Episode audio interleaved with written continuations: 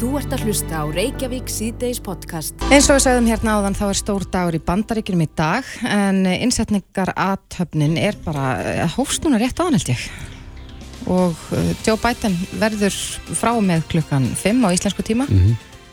40.70 fórseti bandaríkjana. Nei mitt. Er ég aðeins að gíska. En það hefur nú líka verið svona hit í málunum hann fyrir vestan, það sem að þannig uh, búist í miklu mótmælum og talað um vopnaða hópa, maður eru svo sem ekki heyrt þetta mikið í gegnum tíðina þegar að nýr fórseti teku við. En það eru margir svona e, smáir hópar sem mm -hmm. hafa saman að krafta sína í anstöðu við nýjan fórseta. Það var áhugavert sem að Silja Bára Ómarsdóttir sagði við okkur í gæra að, að nú er ekki endilega ótt, óttina að sko hriðiverkasamtök Uh, gera eitthvað þarna vestanhafs heldur er þetta uh, fylgjendur Trump. Þetta eru bandaríkja menn sem að eru kannski mesta hættan. Já, já, og tala nú oft um innlendar hriðverkamenn líka. En uh, á línunni? Já, Samuel Karl Ólason uh, frettamæður á er á línunni og hefur fylst grann með málum vestanhafs, komdu sæl Hæ. Já, Hvað er að gerast núna? Var þetta ekki að hefjast bara núna fyrir örfá mínutum? Og, og Já, svo... mér sýnist ekki verið alveg formlega byrjað. Að fólk er að þá að streyma svo mm -hmm. En hvernig hefur örgisgæslan verið? Man skilst þetta sé, það sé búið að vera að þjálfa fólki að, að standa vörð um verðandi fórseta og, og þá sem er að mæta á þessu aðtöfn. Hún er mjög mikil, skulum voru að það er. En sko það eru bara allt morandi í lögurkjónum og hermunum hann í Washington DC núna. Ég held að séu 25.000 þjóðvarliðar bara í Washington DC sem eru bara sinna öryggiskjallið í borginni náttúrulega alltaf lögurkljónana og, og alryggis löggæslumannana mm -hmm. og FBI og þar Já. þetta er náttúrulega 25.000 held ég séu með bandrikinn með ekki að barga herminni í Afganistan Nei. og þar eru þeir í visku stríði sko. Já, já En eh, Donald Trump, hann hefur yfirgefið hvítahúsið þætti í síðasta sinn Jújú, jú, hann fór á hann flög með Air Force One til Florida sem hann ætlar að fara að búa svona. Já. Og hann gerði það friðsamlega, það var nú eitthvað verið að, að spekulera um hvort að, að þetta er allt já, gert með friðsamlegum hætti. Eða hvort þetta er eitthvað síning? Já, það hefur nú ekki ræst neitt úr þessum mótmælum sem, og óbeldi sem fólk var að óta. Sko. Það var, var bara stýst einn sprengihótun, kakart hæstar eftir bandarækjan á hann. Já. Og þar var, voru fjölmyndu herrmenn við, sko, en annars hefur ekkert gæst þannig sko, er engin mótmæli eða neitt slíkt sko, þetta viðist allt sem mann fara tiltöðulega friðsamlega fram sko. Mm -hmm. En hinga til... Hann hefur gert það þannig sem viðkent að hann hafi tapað kostningunum sko, eða við ræðum sín hefur hann ekki nefnt bætin og nafn til dæmis sem er mjög undarlegt. Já, ekki alveg síðan að, að bara kostningarnar áttur sér staði eða hvað? Nei, nei, hann hefur aldrei svona sagt ég tapaði, nú veist hann alltaf sagt bara að það hefur verið svindla á honum sko. Já en, hann hafi reynu unni kostningarna. Akkurat, en þessi innsetningar hátíð hefur hingað til verið mjög stór. Það eru ekki eins margir eh, sem koma saman eh, þarna í Washington í dag eins og hefur verið þegar aðrir fórsetar hafa tekið vennbætti. Nei, alls ekki. Sko. Það er náttúrulega hafa verið bara 20.000, jafnvel 100.000 manna á þessum innsetningarátöfnum og núna eru bara ótrúlega fáirkestir. Sko. Það er náttúrulega uh, fara alltaf inn, kemur þar í spilar þeir ný og örygistjáslan. Kemur ekki ást að herrmennir eru fleiri en formlega gestir sko. Já, en hvern, hvað tekum við núna? Hvernig lítur uh, hérna prógramið út? Herðu, þetta er nefnilega Lady Gaga, hún á að fara að syngja þjóðsöngin og eftir. Já. Og svo er Jennifer Lopez líka með lag og svo, þess að ég held að sé bara um fimm sem bæti negi að sverja eitt sinn og, og, og, og halda svo, svo heldur hann ræðu. Mm -hmm. og svo hefur faraldunum svolítið mikið láhrif á þetta allt saman sko. en svo hérna það hafa alltaf verið hvað segir maður, svolítið parti og skrúðgöngur í kringum þetta, þetta er allt nú bara á netinu núna. Það er eitthvað svona síndarskrúðganga og svo dansleiki sem er á kvöldin að vera bara zoom-parti í staði fyrir það. Þetta er bara svona, eins og við erum alltaf farin að vennast núna sjálf En hinga til, þá hefur alltaf sko, fráfarandi fórseti verið viðstættur þessa innsetningar aðtöfn en, en Donald Trump uh, kaus að vera ekki þar eða, eða vildi hann það ekki? Hvernig var það? Hann kaus allavega að gera það ekki. Ég veit nú ekki hvort hann vildi það. Ég held að þess að fyrsti fórsetin frá 1800, ah, ég lasi þetta á það, það var 1890 eitthvað. sem sem sagt setur ekki innsegna aðtöfnuna, innsetningar aðtöfn næsta fósita. En það er nú svolítið, ég mann reyndar ekki alveg hvað, það voru ykkur í fjölmennar menn vestan, eða frettumenn vestan sem voru svo höfðu heimildir fyrir því innan hvításins að Trump hafi ekki viljað að setja aðtöfnuna því að út af því að eftir aðtöfnuna hefði hann þurft að byggja Joe Biden um leifi til að fá að fara með Air Force One til Florida. Þú veist, það er hefð fyrir því. Þú veist, George Bush bað Obama um að hana, fá að nota Air Force One til að flytja á hvításinu á sín tíma og, og Obama gerði það vantilega fyrir Trump sjálfan, sko. En hann vildi vist ekki gera það byggja Joe Biden. Nei, þannig að hann hefur bara nýtt tækifærða meðan hann er ennþá formulega fórseti og, og nýtt þyrlunni að fara þarna, heim til sín í Mar-a-Lago í Florida. Það voru einhverju réttamenn að segja þann daginn. Já. Já. Hafa eftir heimildarmennu sínum og hvításinu. En þau verður að týnast þarna á svæðið eh, þar sem Mike Pence og hans frú Karen Pence, þau, þau verður mætt þarna þó að Donald Trump láti ekki sjá sig. Og svo eru fyrri fósettar George og Laura Bush eru þarna eh, Bill og Hillary Clinton og Barack og Michelle Obama. Ég var nú ekki mjög svo að Jimmy Carter, ég veit ekki hvort að hann ætla að mæta, en hann hann var, ég sá hann um daginn en það var að smíða hús. Hann er mjög öflugur, sá, Já. þó hann er 96 ára gammal, ég veit ekki, ég held að hann hafa ekki, ekki að mæta Nei, á já. Fyrir utan hann er við allir. Já, þetta verður fréttamenn munum fara okkur fréttir af þessu í, kvöld en uh, sami og við fylgjumst með fréttum inn á vísi.is þið verðið með vakandi auga með hérna Já, bandaríkjónum í dag Samuel Karl, kæra þakkir Bæjá. Þú ert að hlusta á Reykjavík C-Days podcast. Reykjavík sýti þess á bylginni. Á morgun verða, já, ákveðin kaplaskil í, í COVID-19, uh, baráttunum við COVID-19. Já, En þeir Íslendingar sem að voru bólusettir fyrir áramót, þessi fyrstu sem að tók á móti bólusetningu, þeir verða bólusettir í setnarskiptið á morgun. já Mér skilst að uh, svona fyrir setninsbrautuna þá sé fólk komið með rétt rúmlega 50% vörð Mm og svo eikst hún vantarlega upp í 94-5% við setni Já, þetta eru 5.000 mann sem að, fá setninsbrautuna bara núna á næstu dögum held ég. Já, En á línunni er Ragnhjóður Ósk Erlendsdóttir, framkvæmtastjóri hjúgrunar hjá heilsugesslunni á höfuborgarsvæðinu. Kom til sæl. Já, komið sæl. Þetta lítur að vera svona frekar spennandi að, að það sé verið að fara að bólusetja fólk í setna skiptið. Jú, þetta er mjög ánægilegt og við erum að fara á morgun í öll hjúgrunaheimilin og gefa þeim þessum eldri borgurinn sem eru þar Mhm. setni skamtinn. Va- var búið að taka frá setni skamtin, var hann alltaf til?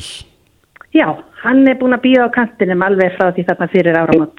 Já, það er ekkert hægt að blanda saman bóluefnum með það fæsir fyrirspautan moderna setninsprauta. Nei, við þurfum að halda þessu alveg að- aðskilið og passa upp á það Já, allir fái sömu sprautu og maður fengu fyrst. Já, verður, verður það þannig út mér fannst eins og ég hefði lesið í fréttum um dagina að það væri ekki verið að geima skamta fyrir sko setnisbrautuna. Verður það áfram þannig að, að þið geimið eða leggið til hliðar uh, síðari sprautuna fyrir þá sem hafa fengið þá fyrstu? Það verður líklega eitthvað mismunandi eftir því hvernig svona afhendingar verða hinga til lands. En þetta var allavega gett með fyrsta skamtin að hafa, hafa gemdur helmingurinn á honum. En svo skilst mér að þessi skamti sem kom núna í vikun á mánudaginn, hann verður notaður allur. Þannig að þetta er eitthvað svona mismunandi sístem hjá sóttvarnarleikni hvernig hann dreifir þessu til okkar. já, já. En eh, hve- hvernig er planið annars? Setninsprautan ekkur fá setninsprautuna en, en hvað með eh, nýjar bólusetningar?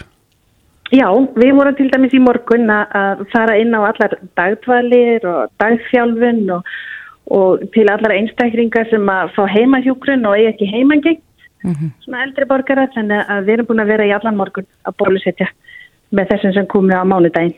Og tekið vel á mót ykkur? Já, mjög vel tekja á mót okkur og, og mikil gleði. Eru einhverjir sem að segja nei? Það er einstaka, já, en mjög fáir. Það er eiginlega bara teljand á fingrum annarar handar. En uh, Ragnar, hvað segja tölunar okkur í dag? Hversu margir eru búnir að fá uh, allavega hluta af bólusetningu? Að meina þá yfir Já, í raun og veru, já, bara yfir, yfir, í heldina liti, hversu margir hafa verið bólusettir á Íslandi? Það sé ekki þetta, það voru 5.000 og svo verið það 3.000 og ég, það sé ekki 9-10.000 þetta er ekki. Þannig að þetta gengur vel? Já, þetta gengur mjög vel.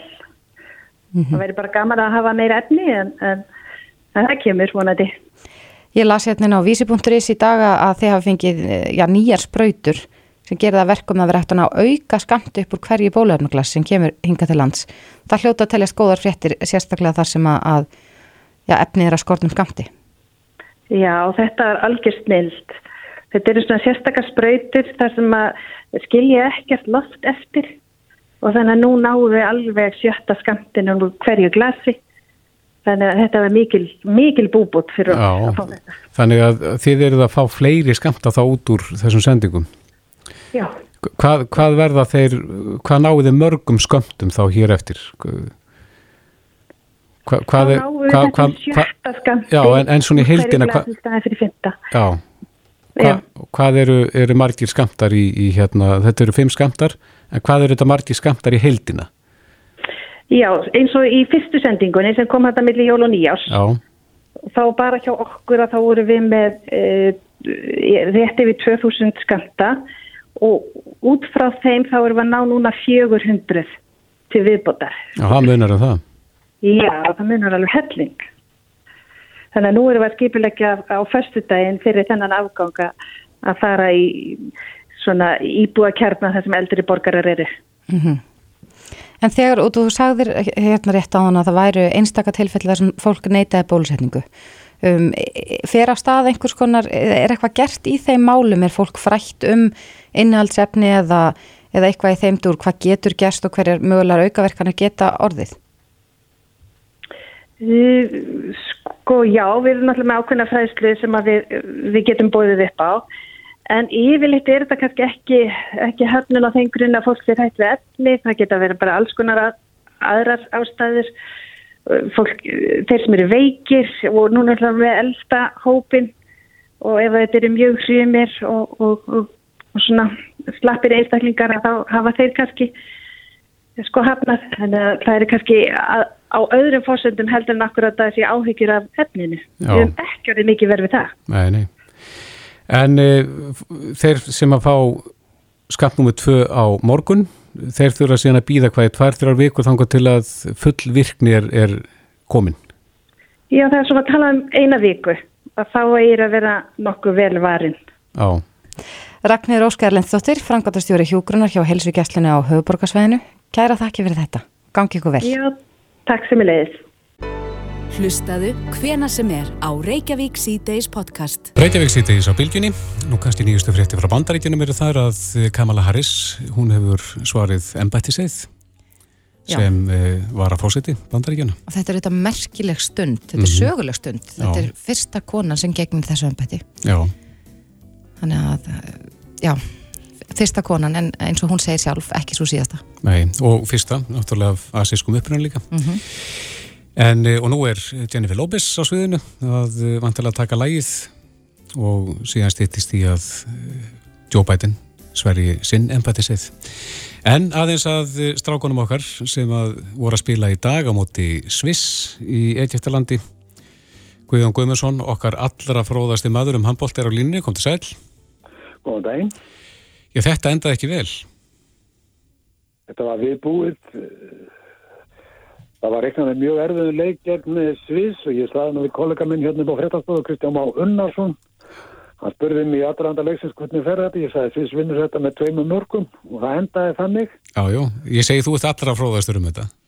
Já, ég er ekki að segja það en, en því miður þá náðum okkur ekki nægilega vel á stryk sóknarlega. Varnarleikum var hins vegar frábær allan leikin og markvarslan í mjög góður standi en, en við vorum eh, mjög slagir sóknarlega lengst af í leiknum, fórum ítla með döðafæri, náðum ekki neinum röðum upplöfum í leiknum sem varð okkur líklega að falli og svo fórum við náttúrulega auðvitað mjög ítla með döðafæri og mér fannst íslenska liðið sko yfir spennt alveg að farast úr stressi ég svona fekk sömu tilfinningu og ég hafði í leiknum gegn Portugal að þetta er, er okkur mjög erfitt sem var og raunin. Mm en, en af hverju heldur það að liðið hafi verið svona stemt í dag? Hvað, hvað hefur valdið því? Við erum í vandraðum með að, að skjóta af nýju metrum, við erum ekki með miklar skýttur, það vil segja menn sem geta skotið utan að velli og það verður okkur svolítið að falli í leikjum sem þessum. Það er mjög erfitt til að mynda fyrir Gísla Þorger, hann þarf að setja upp í hverju einustu sókn leikjörfi og við hlýðin ánum eru menn sem að eiga oft í erfileikum með að skjóta utan að velli mm -hmm. og þá verður þetta ansið þungt og erfitt. Við erum að spila mjög svipaða taktikar og við höfum verið að gera undir stjórn Guðmundar allan þann tíma sem hann hefur verið með landsliðið í þrýgang og mér fannst sviðlendingarnir loka á okkur, þeir spiluðu mjög aftarlega vissu það er værið mikið með skittur og þar alveg var sóknarleikur í þingar leysins afar þungur allan leikin. Já, en hvað er framöndan hjá okkur? Hvernig lítur staðan út þá í mótinu? Já, þetta voru okkar möguleikar að vinna svins og þá getum við komið okkur svona í þokkalegt sæti á hinsmyndaramótinu. Nú taka við leikir gegn Noregi og Fraklandi sem eru með bestu liðum heims og við þurfum eh, í raun kraftaverk til að geta klára þessa þjóðir á hinsmyndaramótinu í Egyptalandi einfallega vegna þess að að liðið í sjálfum sér er ekki orðið nægilega gott til að geppa við þá allra bestu, við erum á leðinni þangað en það mun taka okkur svona tvö ári viðbútt að komast í þann hóp að vera á meðan átta bestu handballistjóða heims. Mm -hmm. Hefur ekki orðið mikil endur nýjun í liðinu af undanförnu? Þetta er ungt liðið, það er ekki svona megnunni til. Það er rétt Kristoffer, það er mjög mikil endur nýjun, við erum ungt lið, það er óreint okkur vantar auðvitað Aron Pálmarsson, okkar besta leikmann, eitt besta leikmann í heimi.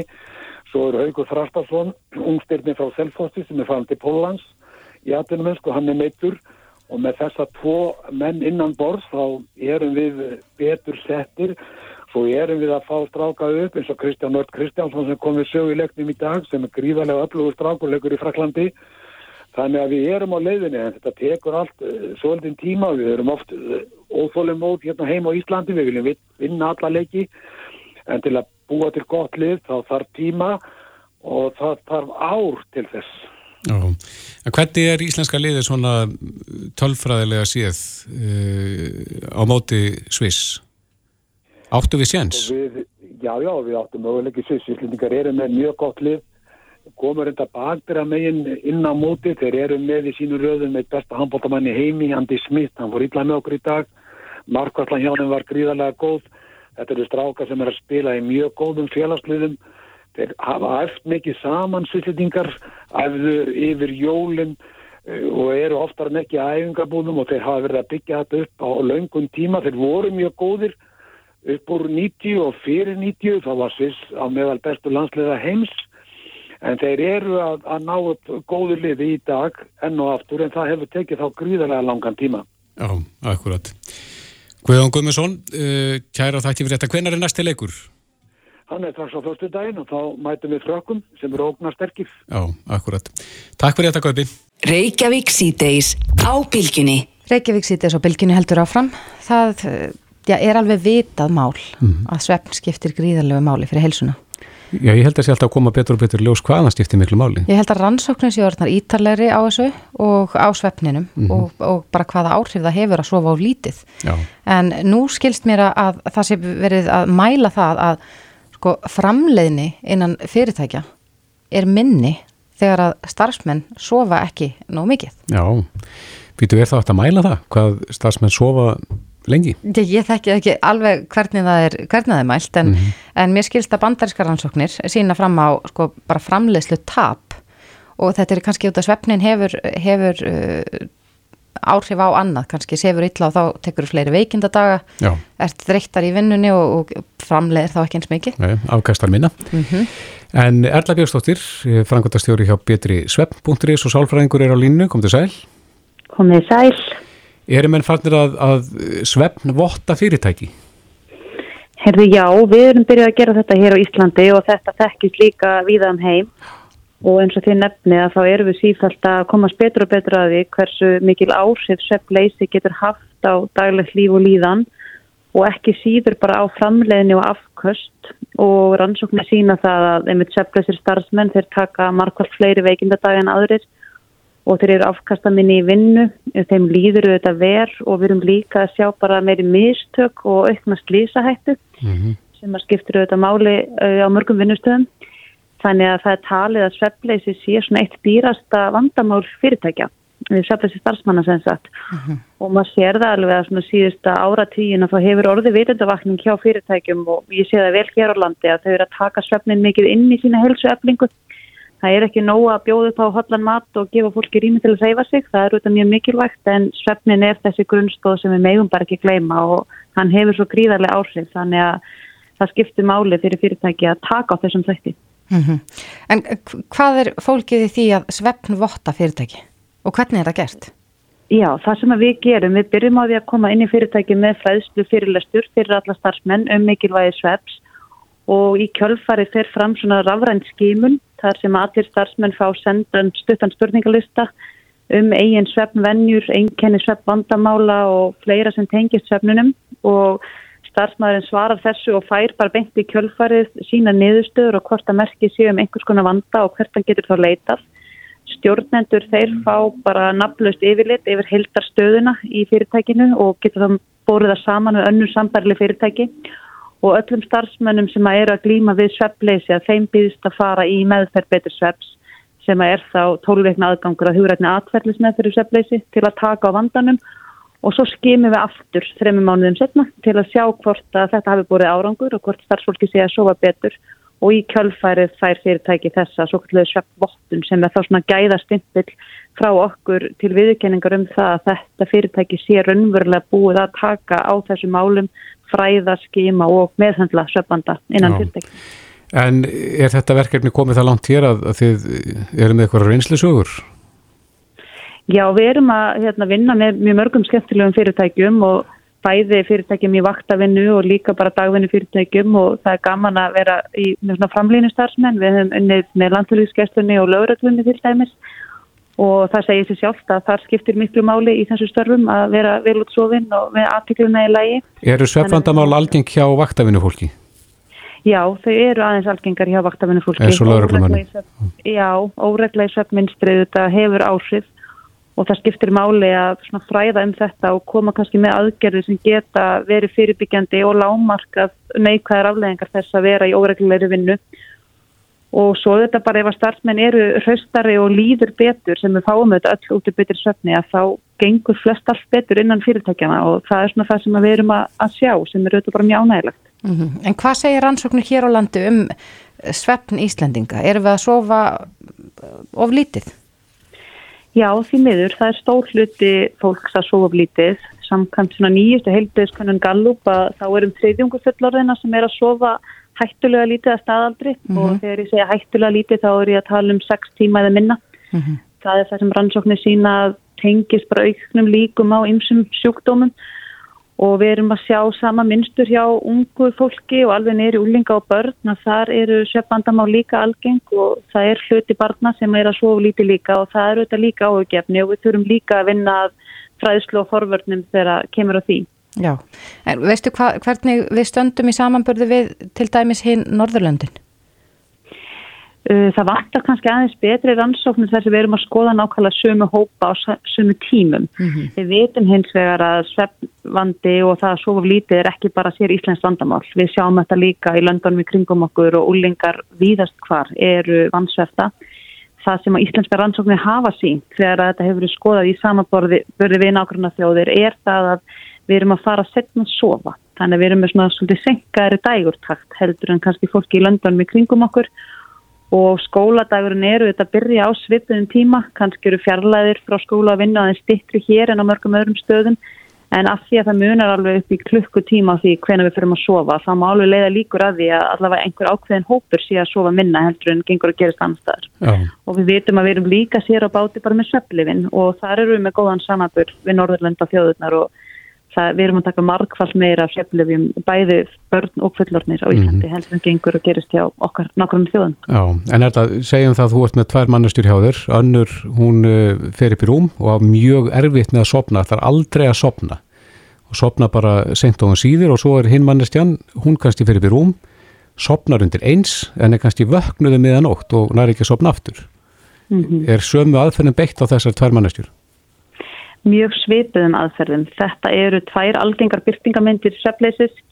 auðvitað þurfum alltaf að skoða rót vandan því hver, hverju sinni og oft er það þannig að þegar fólk á erfittna að festa svefna þá getur það verið svona streytutengt það getur líka verið streytutengt að vakna upp um miða nætur en það getur líka tengst öðrum þáttum, mögulega hrótum eða ómeðhendlum kæfisvefni eða eitthvað slíkt þannig að við skoðum alltaf hvaða þættir eru líklega til að vera tryggjara vandan en hugran atverðislega fyrir söfleysi er beitt við báðum þessum tegundum ef maður er búin að útiloka að það séu aðri þættir sem að skýri söfleysi. Mm -hmm. Hver eru algengust orsakir söfleysis?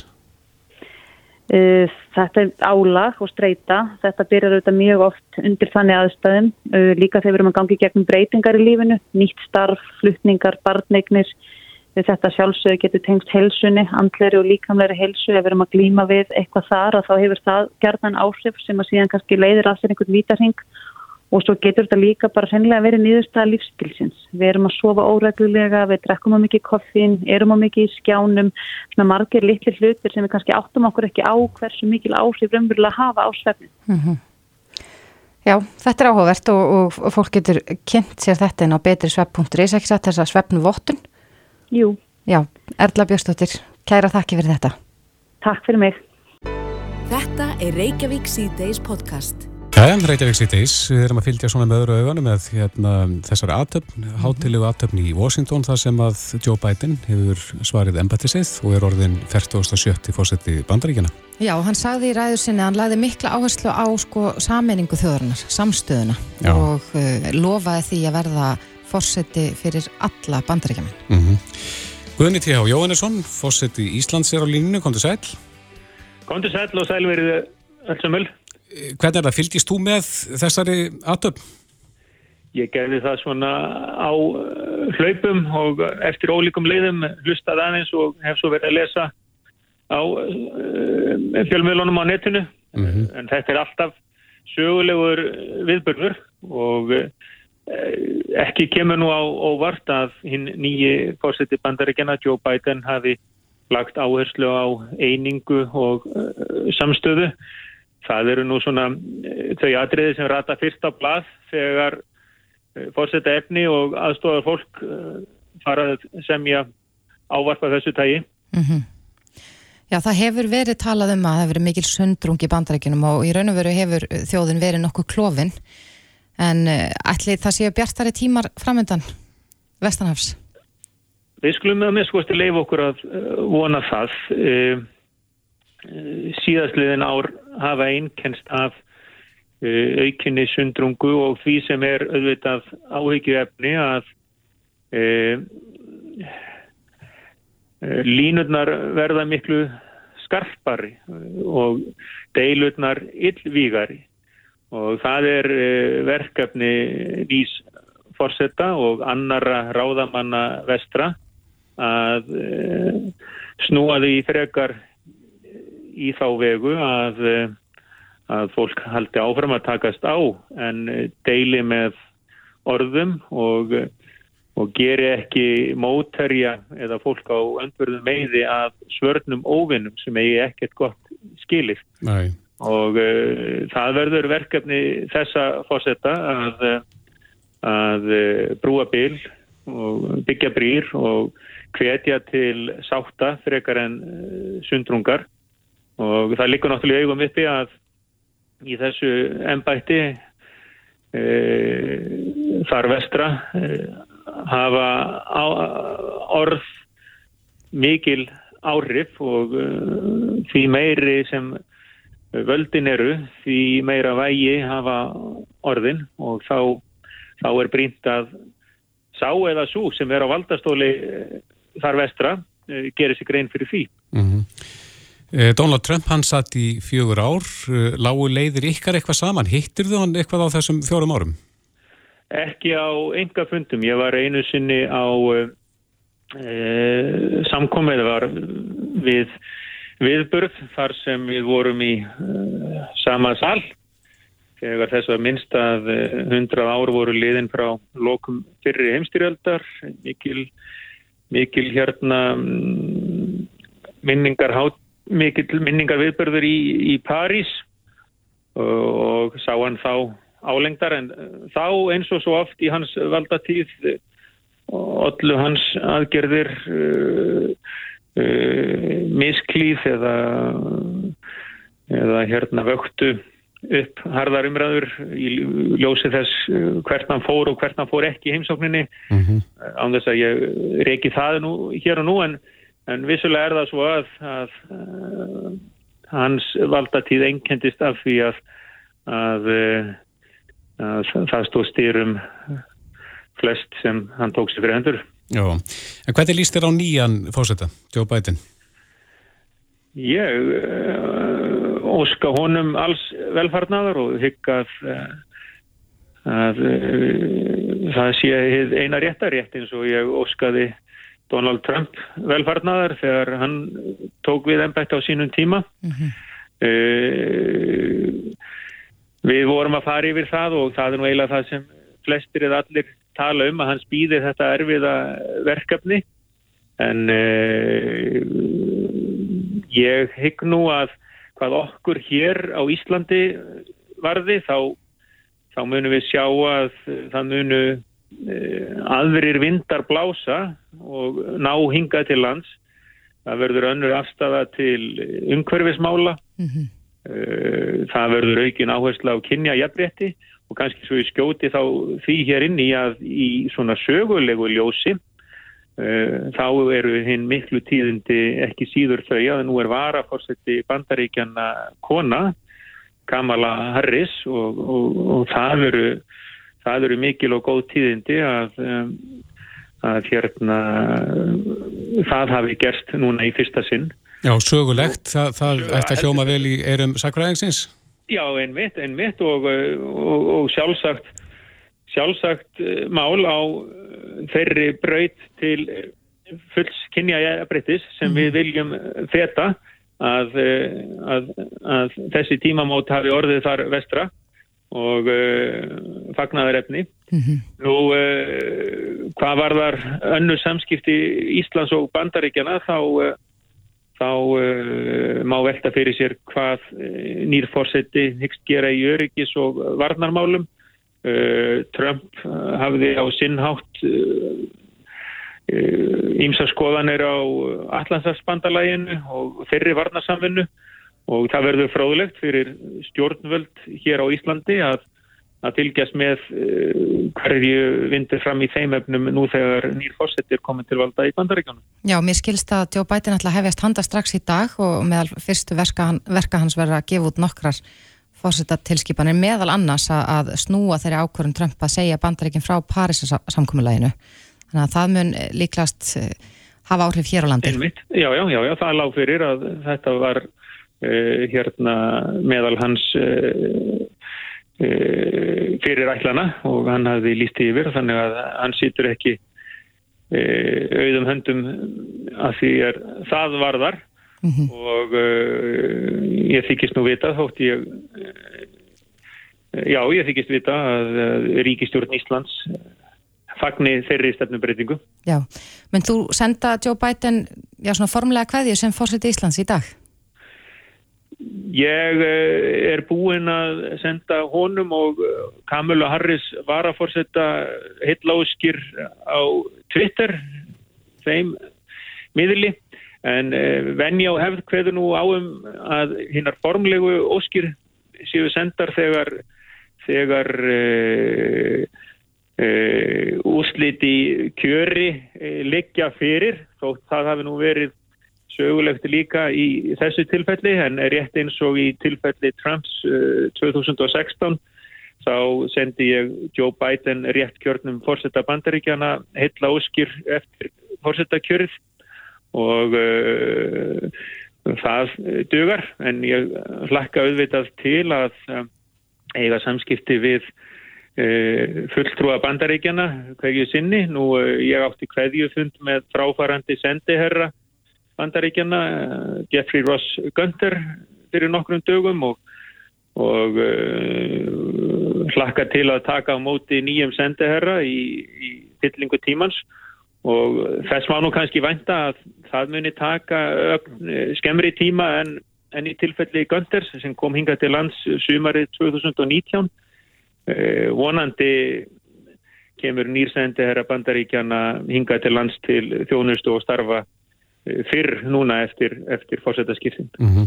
Segð mér aðeins svona í ljósa sögunar, er, ekki algengt að fórseta landana hittist, fórseti Íslands og, og fórseti Bandaríkjana? Nei, það gerist nú ekki á hverjum degi, ef svo má segja. Nei, það er... Mike Pence var að fórseti, kom hingað til lands fyrir nokkrum vissurum Mm -hmm. en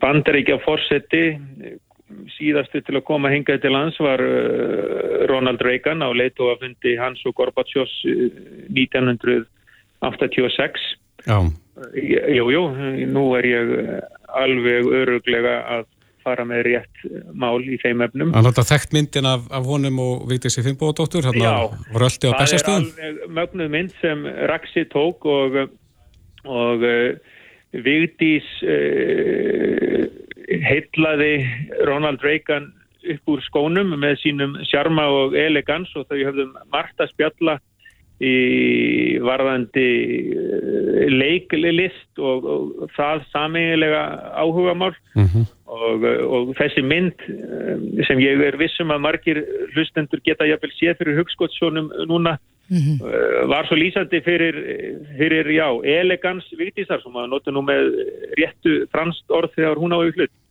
og, og Sá leiðtóafundur var auðvitað magnaður viðbörður á svo marga vegu. Sá skammi fyrirvari sem við höfum hér til að undirbúa hann og mér segir svo hugur að ef einhver tíma kæmi til þess að einhverjum ditt í huga að, að halda fund af svipuðu tægi hér á landi þá, þá þyrftum við nú öll meiri tíma og það væri að öll meira að huga. Ég man bara eftir öllu því umstangi sem fylgdi Eh, komu Mike Pence hingað mm -hmm. og, og uh, það er svona eftir að heikja alveg magnað hvernig okkur tókst að koma því í kringa halda leitu að fund fulltrúa stórveldana tvekja á sínu tíma hér, í, hér á Íslandi í Reykjavík 1986 Já, Guðni T.H. Jóhannesson Fórseti Íslands, kæra þakki fyrir þetta. Já, bestu þakki sem við leiðis Reykjavík síðdeis á Bilginni podcast. Reykjavík síðdeis, við heyrum að því að margir eru núna að nýta sér inn í aðstöðu golfklúbana mm -hmm. og reyndar ekki er það aðrir aðeins golfklúbani sem eru með svona eh, herma, golfherma Já, mér skil það sem mikil ásokn í þetta en það eru, já, kannski erfitt að vera mjög mikil golfari á Íslandi þar sem að er ekki komin að rúmir tveir mánuður síðan að golfvellinni er lókuð Jú, það er svona fóri í vetra búning mm -hmm. í það minnst en En uh, Haugur Birgisson, formadur golfsambands Íslands er á línu, kom til sæl. Sælverði. Við heyrðum í það núna eh, setnipartin í sömar og uh, fengum þar upplýsingar að, að golfýþróttin hafi sprungið út í sömar. Það var ekki sett með í þáttökufjölda. Heldur betur og bara, ekki bara í þáttökufjölda. Það er eiginlega alveg sama á hvaða tölfræði er litið við tölurnar eru allstaðar upp milli ára og, og í met aukningu. Þannig að við, erum, við gætum ekki verið ánaðari með sumarið 2020. Nei, en þeir eru búin að hafa smá tíma til að, að melda þetta. Hvað, hvað réð því að, að svona margir steltu sér í golfið í sumar, ykkar mati? Já, ég held að það er nú tímanlust verið bara ástandið. Þetta COVID ár sem hérna við vorum að klíma við. Framan af ári og vorið þá var kannski golfið sata svo litið eitt af uh, kjöttköllunum þegar svo má orðið komast. Það voru margar íþróttagreinar eða útivir sem einfallega mátti ekki stundar samkvæmt lögum. Mm -hmm. og golfið þetta býr þannig að, að að það er mjög öðvöld að stunda það og virða á sama tíma sóttvarnir. Þannig að það var ein ástafan uh, önnur var að Íslandingar voru þetta meir og minna staðsettir á Íslandi í sumar og, og ferðust innanans og nýttu sér alla þá 60 rúmlega golfvelli sem við höfum. Og, og hérna allir voru bara mjög dugleir og svo verður þetta bara þáttaka á eh, nýjum kilvingum mikil fjölgur nýra kilvinga okkur fjölgaði um, um 11% milli ára sem er algjör með, með fjölgun mm -hmm. Heldur að þetta COVID ástand útskýri það? Að fólk hafi þurft að finna sér eitthvað nýtt að gera? Já, ég myndi segja að það sé öruglega stór uh, hluti af útskýringunni. Þó svo að það útskýrið ekki öllu leiti ég vil náttúrulega meina það að golf sé móður allra íþrótta og það keppist auðvitað við það að fara í bestu íþrótti heimi. En, en COVID hafði tíman lust mikið um það að segja. En, en svo, svo en, en auðvitað síðan erum við bara búin að vinna, í því undanferðin áratug markvist að, að koma golfinu meira á framfæri í fjölmiðlum og uh, bjóð upp á þetta sem góðan aftreying kost fyrir fjölskyldur og, og, og hérna yfkendur og öllum aldri og þetta bara skila sér smátt og smátt. já, en svo heyrim við líka að sumir golfklúpar eru bara sprungnir, Þeir, það eru bygglistar. Já, minna, þetta, þetta hefur allt kost og galla þegar, þegar það verður svona mikil fjölgun á, á hérna, skömmum tíma. Ég hef þó ekkert stórkostlegar áhyggjur af því. Það verður þetta áskorun fyrir golfreifinguna að halda í alla þessa nýliða sem komu inn í sportið á síðast ári. En það er alveg rétt að margir golfklúpar í kringum með á höfuborgarsvæðinu eru orðnir bísna þjætt settir. En það eru samt uh, golfvellir rétt fyrir utan höfuborgarsvæði sem geta tekið á móti félögum og, og hérna við þurfum bara að, vera duglega aðeins að keira út fyrir, fyrir höfuborgarmörkin til þess að fara í golf því að það má finna alveg óteljandi frábæra golfvelli hérna í krigum höfuborgarsvæði og svo þetta bara út um allt land og, og það er kannski mest svona bara akkurat í höfuborgarkjarnanum sem hérna golfvellinir eru þjætt setnastir. Hver, hver er kynjastiftingin á golfurum? Það er gaman að segja frá því að fyrir svona 15 árum síðan, 15-20 árum síðan, þá voru kilvingar, eða 10% kilvinga konur, en það hlutfallið er heldur betur vaksi og núna er að þetta komið í rúmlega þriðjung og margir golfklúpar núna í sumar sem eru með yfir 40, 42, 3% yfkenda eða félagsmanna eru, eru konur sem eru bara frábært og, mm -hmm. og hérna Þannig að gaman að sjá að þessi tölfræði hefur vaksið svona mikið. Þetta hlutfall hefur farið hratt upp og, og er ekkert að fara að hægja á sig því að eitt af því sem kom upp úr uh, kursunum okkar þegar við fórum að tellja þetta allt saman í sumar er til dæmis að konur uh, eru líklegri eða það má kannski segja að þær, þær eru duglegri við að spila golf heldur en karlarnir því að því að það er 50% kvenna spilar golf þrísvar í viku eða oftar mm -hmm. og meðan það er bara 41% karla sem gerir það. Þannig að konurnar eru alveg fólknar í þetta. En þannig að það er konur sem spila þær spila meira en, en karlarnir? Já. Já. En þú talar um að væri mikil aukning. Hafið þið tekið saman sko bara hversu margir ringir voru spilaðir síðasta sömur saman boru við árið undan Uh, já, við höfum sko ekki algjörlega sam, samtala yfir all landið en það eru margir golfklúpar búinir að taka þetta saman og er að vinna í þessu núna og við höfum fengið þær tölur sendarinn frá mjög mörgum golfklúpum, ekki öllum en það er, uh, það er sama niðurstafa nánast hvert sem litið er að, að fjöldi leikin að hringja Uh, hann, uh, leiknum hringum fjölgar mjög mikið millir ára og það er svona á bylinu 20 til 30% í, hérna, í mjög mörgum tilvökum sem, sem, sem því ef við tökum bara tökum sér dæmi að, að hérna golfklúpur uh, Akureyrar, það voru leiknir 27.000 ringir á jáðarsvelli sem er það mesta síðan árið 2014 og þetta er 25% aukning frá uh, meta árinu þeirra. Það er búið að fjölga þetta um 5.000 ringi frá næst besta árinu þeirra. Og svona má alveg fara í gegnum golfklúbana og golfvellina. Það er 20-30% fjölgun á leiknum ringjum milli ára sem er bara stórkoslegt Já, en við vitum það að margir golfara voru bara forvið og mjög hissa þegar að eh, COVID hafði áhrif á vellina, þess að þeir máttu ekki fara út undir bert loft jafnveg einir og sér eða hjón saman að spila, var þessu mótmælt?